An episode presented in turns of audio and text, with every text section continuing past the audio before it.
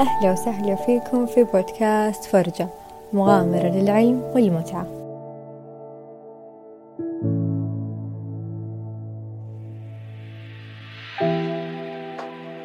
حزن أمراض ضياع وندم وخيبة اختلفت مسميات الأشياء العميقة والكبيرة في حياتنا لكن انطرحت تحت كلمة واحدة المخدر المادة المضرة واللي تسبب إدمان ويلجأ بعض الناس لها للهروب من مشاكلهم وبعض منهم يعرفون أنها تزيدهم أمراض لكن مستمرين في تعاطيها. وبأي وسيلة كانت سواء حبوب أو إبر أو أي طريقة ثانية. فهدفنا اليوم أننا نوعي مجتمعنا على موضوع الإدمان والمخدرات لأن هذا دورنا كمواطنين يحافظون على وطنهم ومجتمعهم. إننا نكون بيئة سليمة لنا ولمستقبلنا. كلمة مخدر الكلمة اللي نسمعها ونشوفها في عدة أماكن والبعض يجهل معناها الصحيح اللي هو ما يذهب العقل ويغيبه بسبب احتوائها على مواد كيميائية عديدة. استخدام هذه المواد الكيميائية بكثرة يسبب متلازمة اسمها متلازمة التبعية. هي عبارة عن مجموعة من الظواهر السلوكية والمعرفية والفيسيولوجية اللي تتطور بعد الاستخدام المتكرر للمواد المخدرة. وعادة تتضمن متلازمة التبعية رغبة قوية في الاستمرار على الرغم من عواقبها الضارة والكبيرة من جميع الجوانب.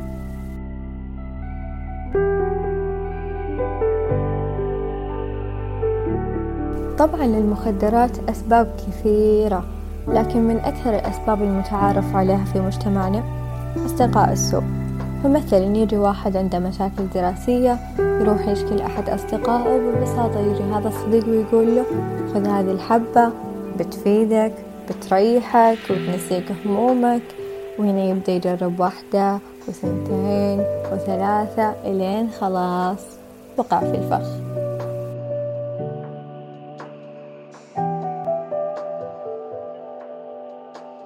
ممكن في حالات يكون فيها وعي بس ما يكون كافي.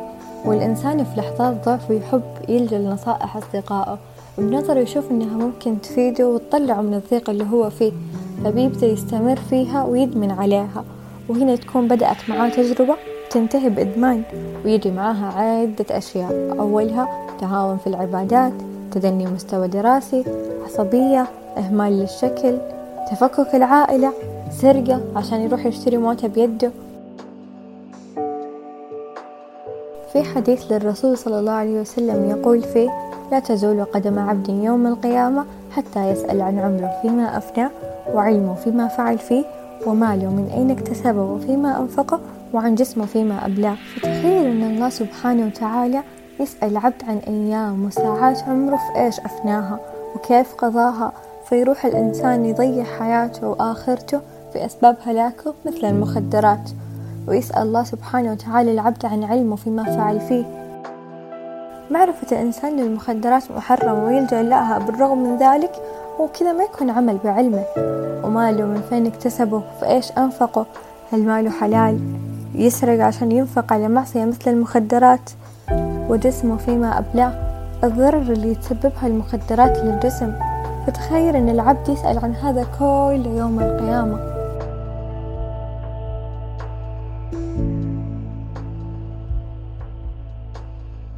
دائما ما يشعر المرء بالندم بعد اقترافه ذنب تجاه الله ويحسب أن توبته لن تقبل ولكنه لا يعلم أن الله رحيم بالعباد.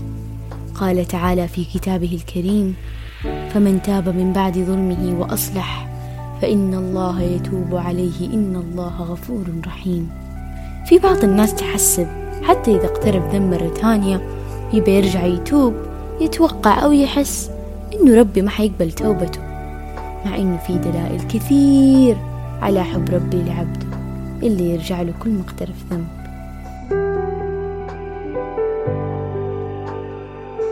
ولا تلقوا بأيديكم إلى التهلكة إيش هي التهلكة؟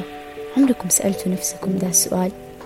دخان، خمر، مخدرات والكثير من الطرق اللي توديك لطريق التهلكة وأنت ما أنت عارف فأغلب الناس اللي يكون عندهم ضغوطات سواء كانت نفسية عائلية ضغوطات عمل ينفسوا عن ضغوطاتهم بأشياء تضرهم ويستمروا عليها إلين يدمنوها. هم مدركين إن الشي بيسووه حرام بس عذرهم يكون إن الله غفور رحيم. أيوة صح إن الله غفور رحيم. بس أنت لازم تعمل بالأسباب اللي هي تخفف من استهلاك للمواد المضرة. ممكن كمان تستبدلها بالكتابة التأمل قراءة القرآن وحتى تداوم على السنن والنوافل اللي هي أحب الطرق إلى الله عز وجل.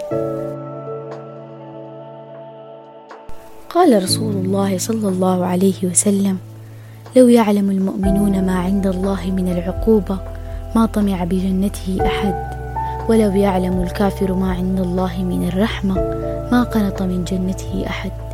رحمة ربي واسعة لأي درجة. ذكرت الرحمة في بداية أسماء الله الحسنى دليلا على رحابة رحمة الله. المؤمنون لهم الجنة ولهم الرحمة والرحمة واسعة ويشملها أشياء كثيرة من صنع الله تعالى.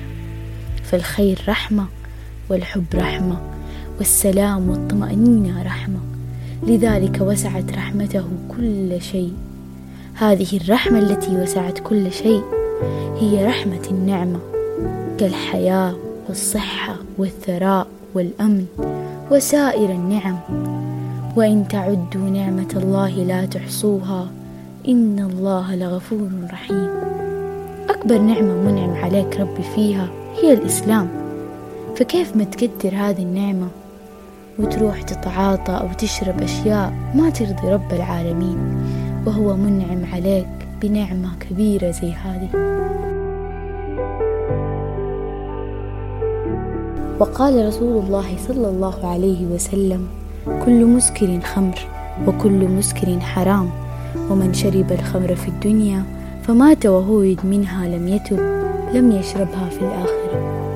ذكر في الحديث إن كل مسكر خمر حنعرف إنه يندرج تحت مسمى المسكرات مخدرات. فأكيد المخدرات محرمة زيها زي الخمر. فليش نحرم نفسنا من لذتها في الآخرة؟ عشان بس ما إحنا قادرين نقاومها في الدنيا.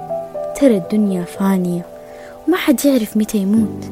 فلا تقضي دنيتك القصيرة في تعاطي المخدرات ومعصية رب العالمين.